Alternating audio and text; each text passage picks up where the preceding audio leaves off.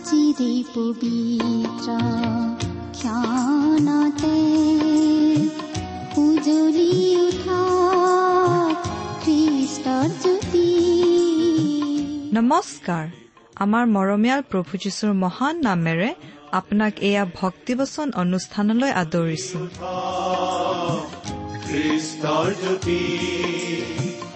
আকাশ বতাহ মুখৰিত কৰি গাঁও সবে মিলি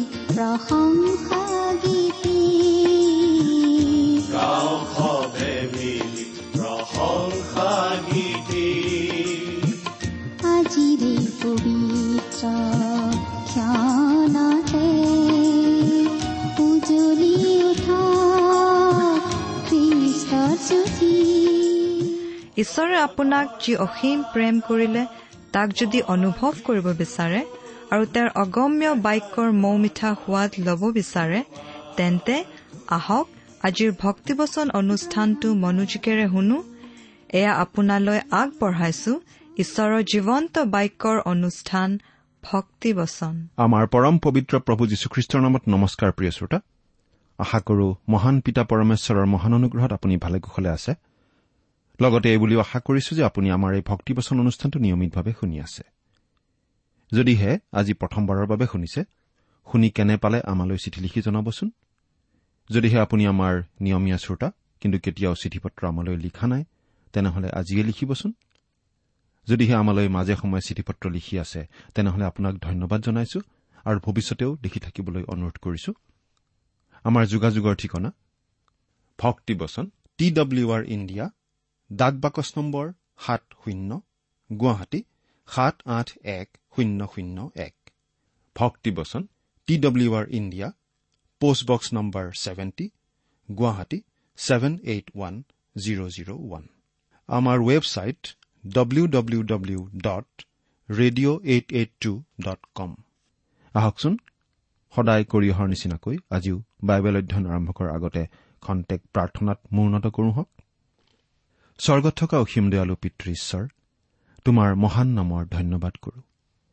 তুমি সৰ্বশক্তিমান সৰ্বব্যাপী সৰ্বজ্ঞানী ঈশ্বৰ হৈও আমাৰ দৰে ক্ষুদ্ৰ মানৱক যে ইমান প্ৰেম কৰা সেই কথা ভাবিলেই আমি আচৰিত হওঁ। তুমি আমাক ইমানেই প্ৰেম কৰিলা যে আমাক পৰিত্ৰাণ দিবলৈ তুমি তোমাৰ একেজাত পুত্ৰ যীশুখ্ৰীষ্টকেই আমালৈ দান কৰিলা। তেওঁ আমাৰ সকলো পাপৰ বোজা নিজৰ কান্ধত লৈ আমাৰ হৈ ক্ৰুচত প্ৰাণ দিলে। তেওঁৰ পবিত্ৰ তেজেৰে আমাৰ পাপৰ প্ৰাচিত্ৰ কৰিলে। আজি তেওঁত বিশ্বাস কৰি আমি অনন্ত জীৱন লাভ কৰি তোমাক পিতৃ বুলি মাতিব পৰা হৈছো। তাৰ বাবে তোমাক অশেষ ধন্যবাদ পিতা। এতিয়া আমি তোমাৰ মহান বাক্য বাইবেল শাস্ত্ৰ অধ্যয়ন কৰিবলৈ ওলাইছো প্ৰাৰ্থনা কৰিছো তোমাৰ বাক্য তুমিয়েই আমাক বুজাই দিয়া। এই অনুষ্ঠান শুনি থকা আমাৰ মৰমৰ শ্ৰোতাসকলক তুমি উপচি পৰাকৈ আশীৰ্বাদ কৰা। কিয়নো এই প্ৰাৰ্থনা আমাৰ মহান ত্ৰাণকৰ্তা মৃত্যুঞ্জয় প্ৰভু যীশুখ্ৰীষ্টৰ নামত আগবঢ়াইছো। আমেন।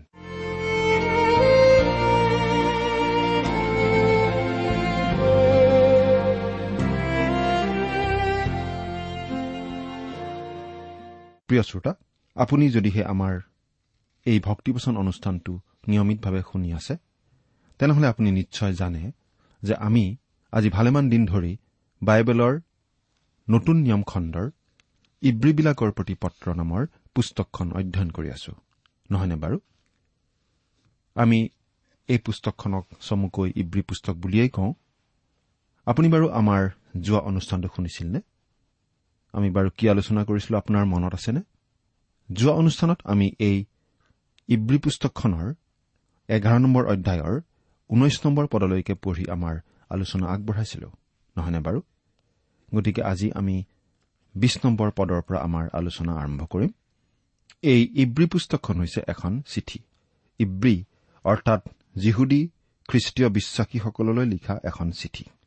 কিন্তু ই এখন গভীৰ তত্বমূলক পুস্তকো হয়। আৰু ইয়াৰ যোগেদি আজি আমি শিকিবলগীয়াও অনেক কথা আছে।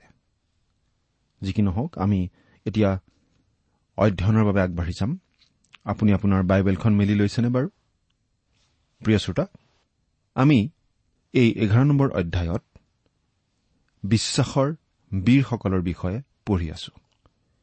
যোৱা অনুষ্ঠানত আমি পঢ়িবলৈ পালো বিশেষকৈ অব্ৰাহাম আৰু ছাৰাৰ বিশ্বাসৰ কথা আৰু তাৰ আগৰ অনুষ্ঠানত আমি পঢ়িবলৈ পাইছিলো হেবল হনুক আৰু নোহৰ বিশ্বাসৰ কথা। আমাক কোৱা হৈছে বিশ্বাসৰ গুণত তেওঁলোকে কি কি কৰিব পাৰিছিল? বিশ্বাসৰ বলত তেওঁলোকে কি কি কৰিছিল সেই কথা আমি আলোচনা কৰিলো। আজিৰ অনুষ্ঠানত আমি তাৰ পাছৰ পৰা অৰ্থাৎ বিশ নম্বৰ পদৰ পৰা আমি বিশ্বাসৰ বীৰৰ বিষয়ে আৰু পঢ়িবলৈ পাম। এতিয়া আমি বাইবেলৰ পৰা পাঠ কৰি দিম। যদিহে আপোনাৰ লগত বাইবেল আছে চাই যাব। আৰু যদিহে বাইবেল নাই অনুগ্ৰহ কৰি মন দি শুনিব। পাঠ কৰি দিছো। ইব্ৰী এঘাৰ নম্বৰ অধ্যায়ৰ বিশ নম্বৰ পদ। ইয়াত লিখা আছে বিশ্বাসৰ গুণে ইছহাকে ভাবি বিষয়ৰ কথাটো জাকুব আৰু এচৌক আশীৰ্বাদ কৰিলে। এতিয়া আমি পাইছো ইছহাকৰ কথা। অব্ৰাহমৰ পুত্ৰ ইছহাক। অব্ৰাহমৰ তুলনাত ইছহাকৰ বিষয়ে খুব কম কথাহে কোৱা হৈছে। আমি ইছহাকৰ বিষয়ে কি বুলি ক'ব পাৰো? তেওঁ প্ৰতিনিধিত্ব কৰে বিশ্বাসৰ আগ্ৰহ। খুব সম্ভৱ। অব্ৰাহামে তেওঁক বলি দিবলৈ নিয়াৰ সময়ত ইছহাক এজন প্ৰাপ্তবয়স্ক লোক আছিল। প্ৰায় তেত্ৰিছ বছৰমান বয়স তেওঁৰ হৈছিল বুলি অনুমান কৰা হয়। গতিকে ইছহাক পিতৃ অব্ৰাহামৰ বাধ্য হৈছিল। তেওঁ বলি হবলৈ অস্বীকাৰ কৰা নাছিল। অৰ্থাৎ ইছহাকৰো দৃঢ় বিশ্বাস আছিল ঈশ্বৰৰ ওপৰত। তেওঁৰ বিশ্বাসেই তেওঁক পিতাকৰ কথামতে বলি হবলৈ বাধ্য কৰিছিল। এইটো কম ডাঙৰ কথা নহয়। বিশ্বাসৰ গুণে ইছহাকে ভাবি বিষয়ৰ কথাটো জাকুব আৰু এচৌক আশীৰ্বাদ কৰিলে। ইছহাকৰ জীৱনৰ এই কথাটোকে বিশেষভাৱে আঙুলিয়াই দিয়া হৈছে যে তেওঁ তেওঁৰ দুই পুত্ৰ এচৌ আৰু জাকুবক বিশ্বাসেৰে আশীৰ্বাদ কৰিছিল। এইটো বাৰু অলপ আচৰিত কথা নহয়নে? ইছাকৰ জীৱনৰ বিশেষ একো গুৰুত্বপূৰ্ণ বা চকুত লগা কথা ইয়াত উল্লেখ কৰা হোৱা নাই। তেওঁ এচৌ আৰু জাকুবক আশীৰ্বাদ কৰিলে।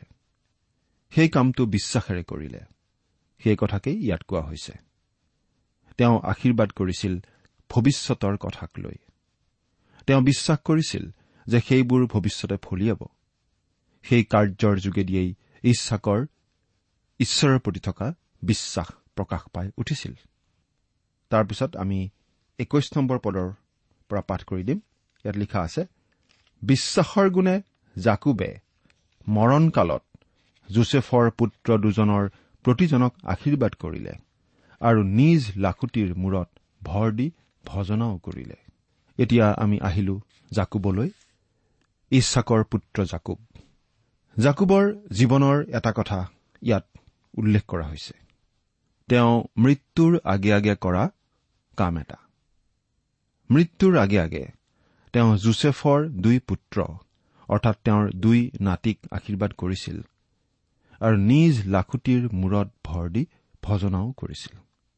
জাকুবৰ জীৱনৰ পৰা আমি বহু কথা শিকিব পাৰো। তেওঁ মানুহৰ চৰিত্ৰৰ এটা বাস্তৱ ৰূপ আৰু আমি যে ঈশ্বৰৰ অনুগ্ৰহৰ বলতহে পৰিত্ৰাণ লাভ কৰো তাৰ প্ৰমাণ। ঈশ্বৰে অনুগ্ৰহ নকৰা হলে জাকুবে কেতিয়াও উদ্ধাৰ নাপালেহেঁতেন। জাকুব হেৰাই গলহেঁতেন। মানুহ হিচাপে জাকুবৰ লেখত ল'বলগীয়া একো কৃতিত্ব নাছিল।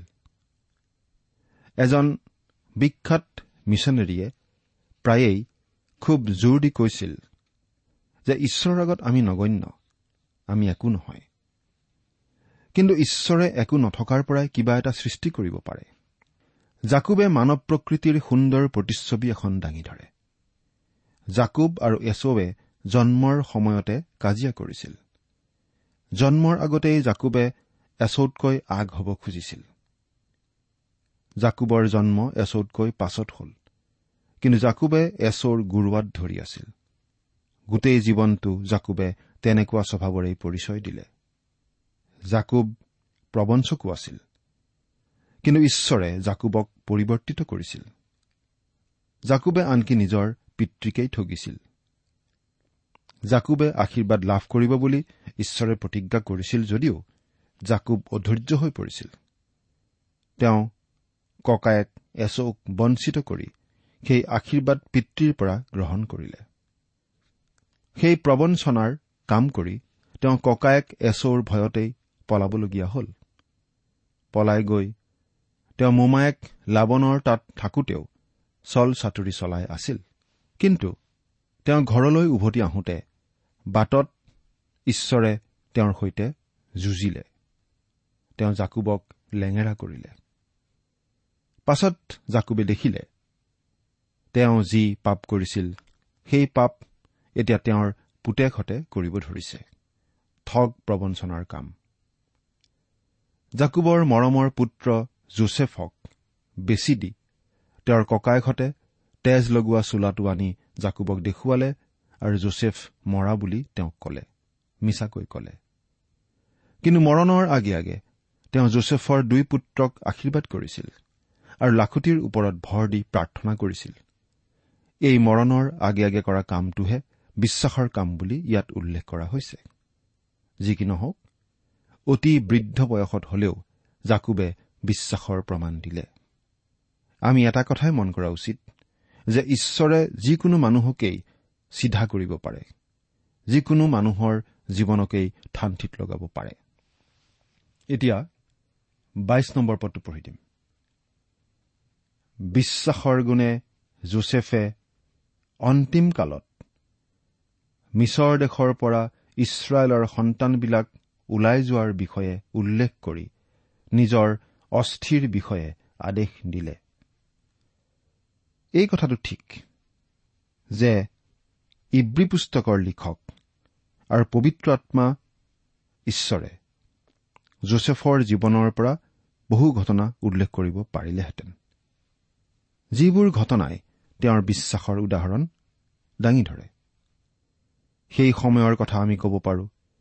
যেতিয়া এই জোচেফ মিছৰ দেশত বন্দীশালত থাকিবলগীয়া হৈছিল।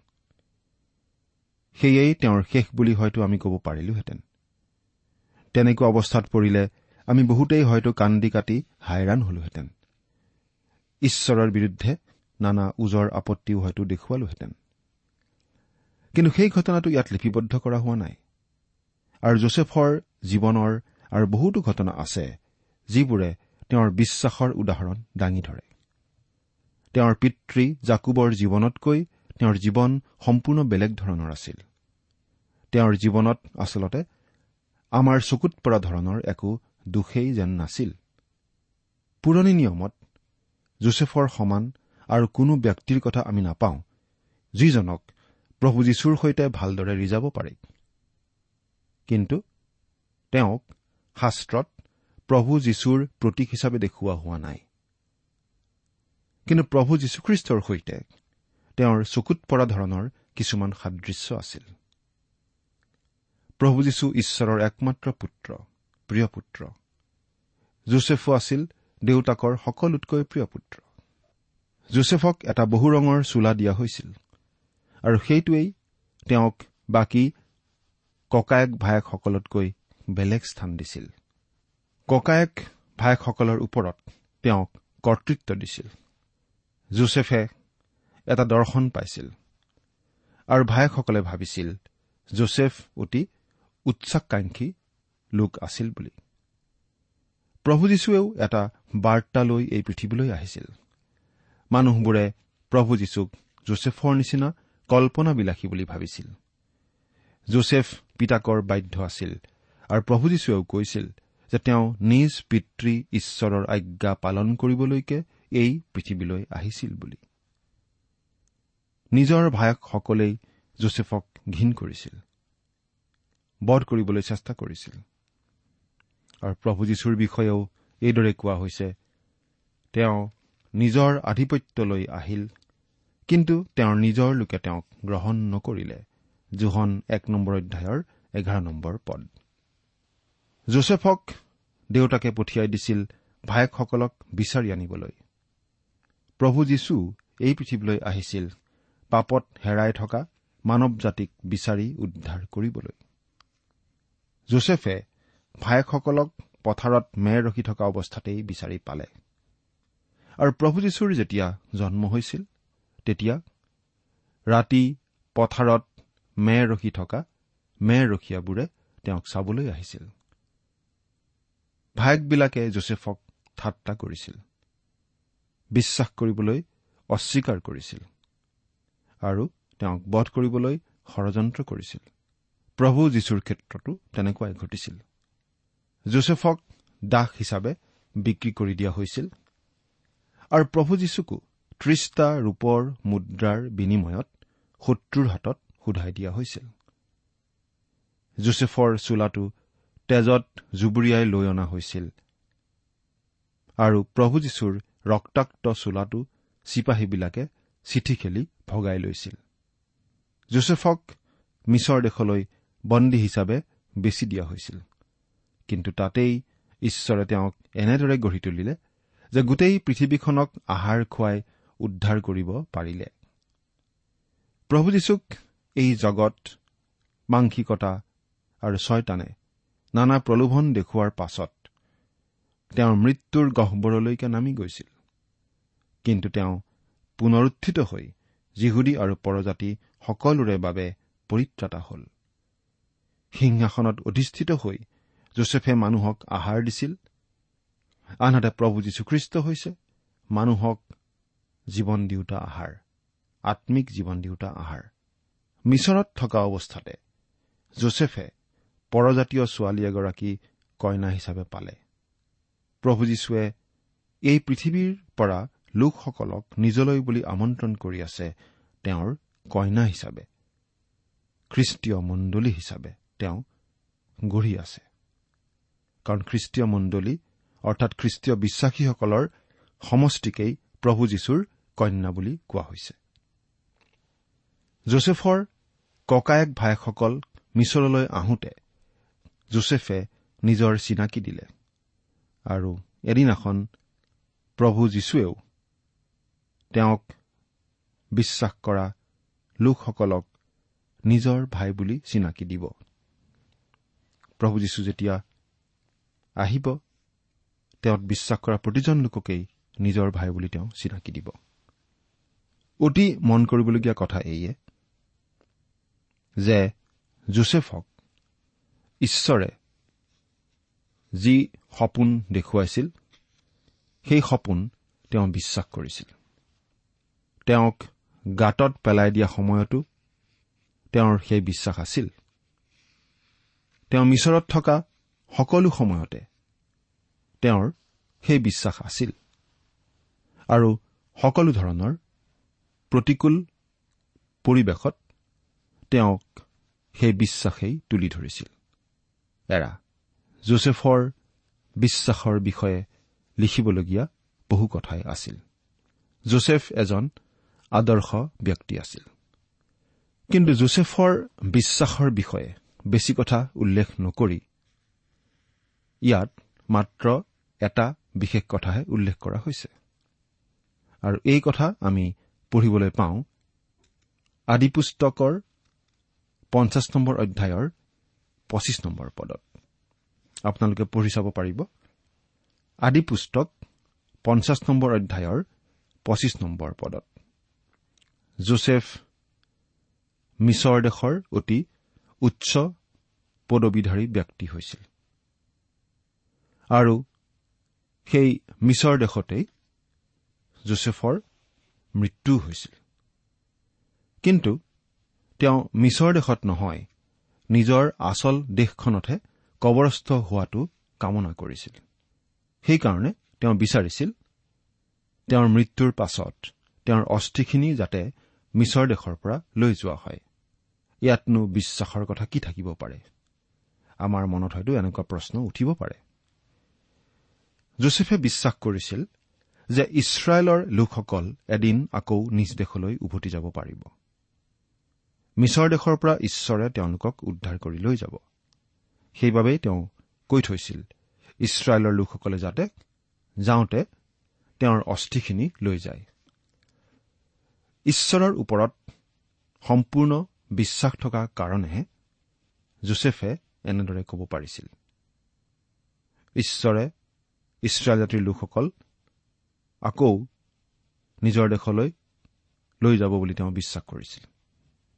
তাৰ পাছত বহুদিন পাৰ হৈ গৈছিল।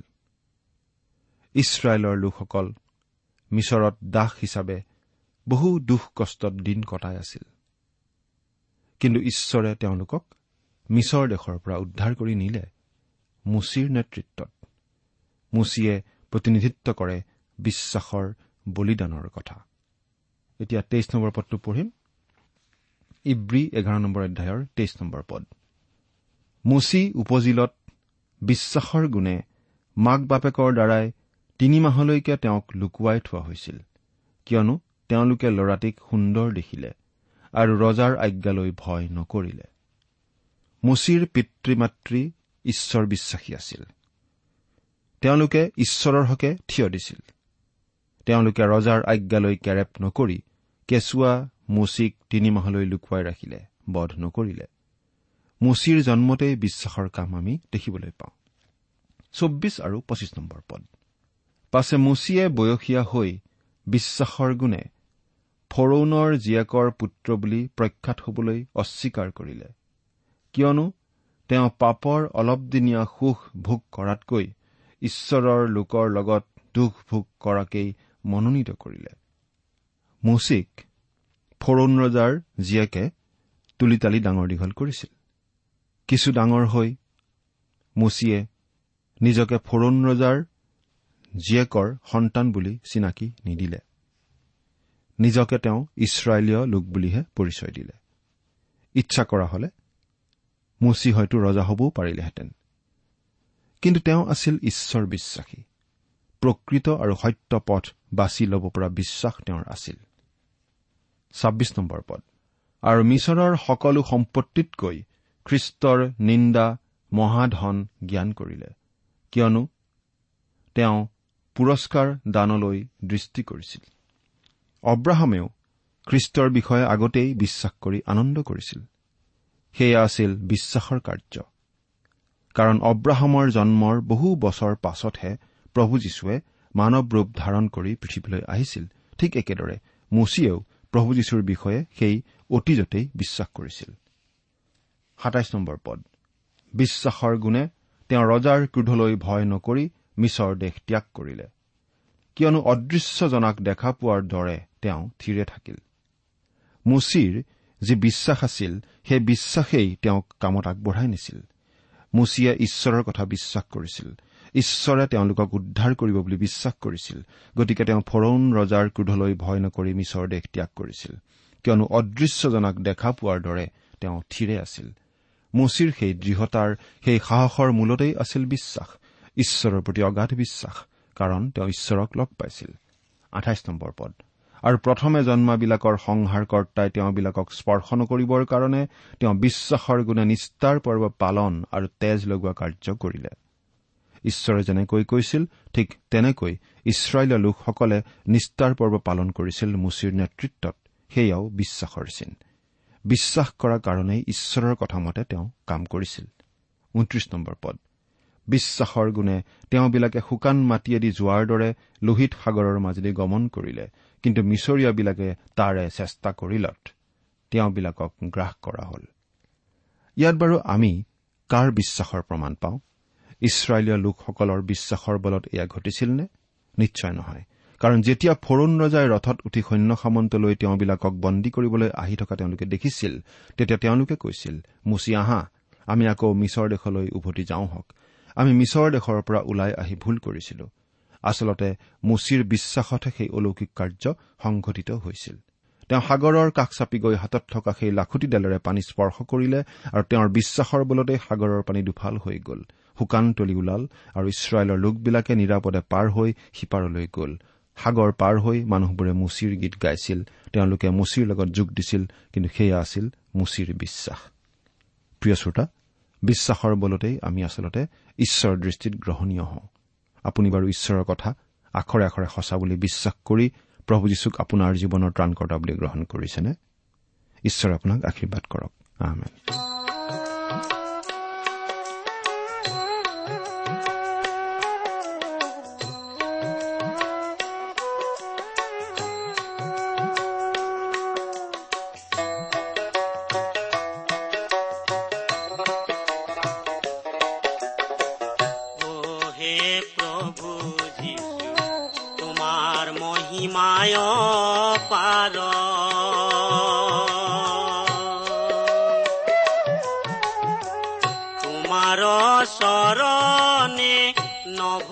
নভজিলো শৰণ মই মহাপাপী তোমাৰ চৰণে নভজিলো শৰণ মই মহাপাপী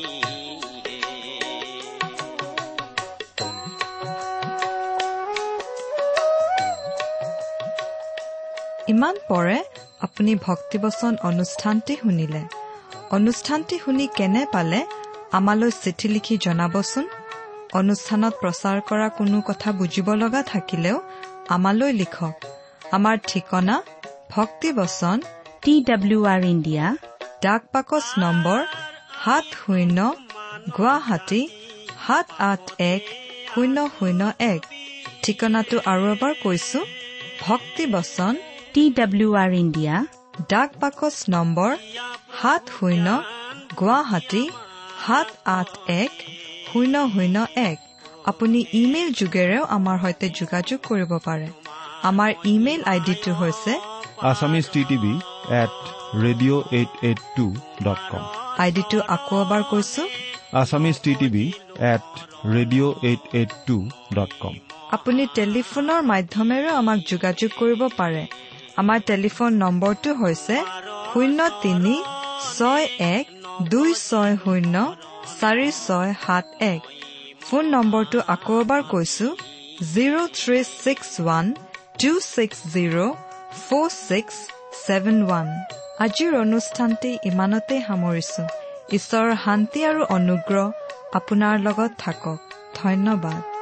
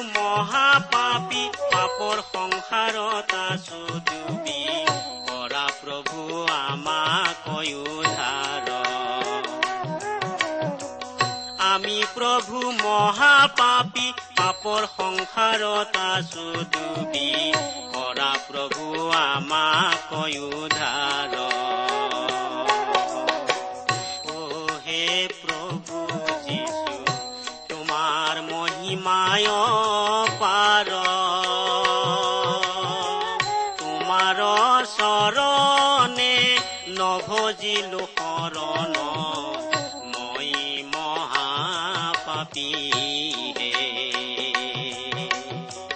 তোমাৰ চৰণে নভজিলো শৰণ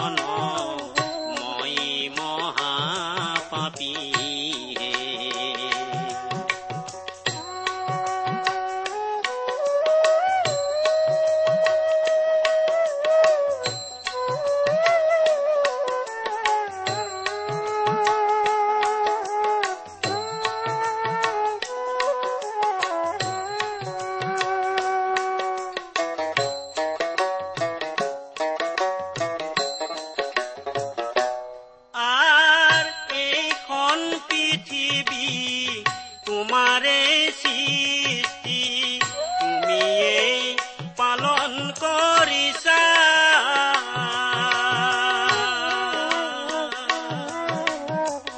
আমি প্ৰভু মহাপাপী পাপৰ সংসাৰত আছো ডুবি কৰা প্ৰভু আমাক উদ্ধাৰ আমি প্ৰভু মহাপাপী পাপৰ সংসাৰত আছো ডুবি কৰা প্ৰভু আমাক উদ্ধাৰ অ' হে প্ৰভু যীশু তোমাৰ মহিমায়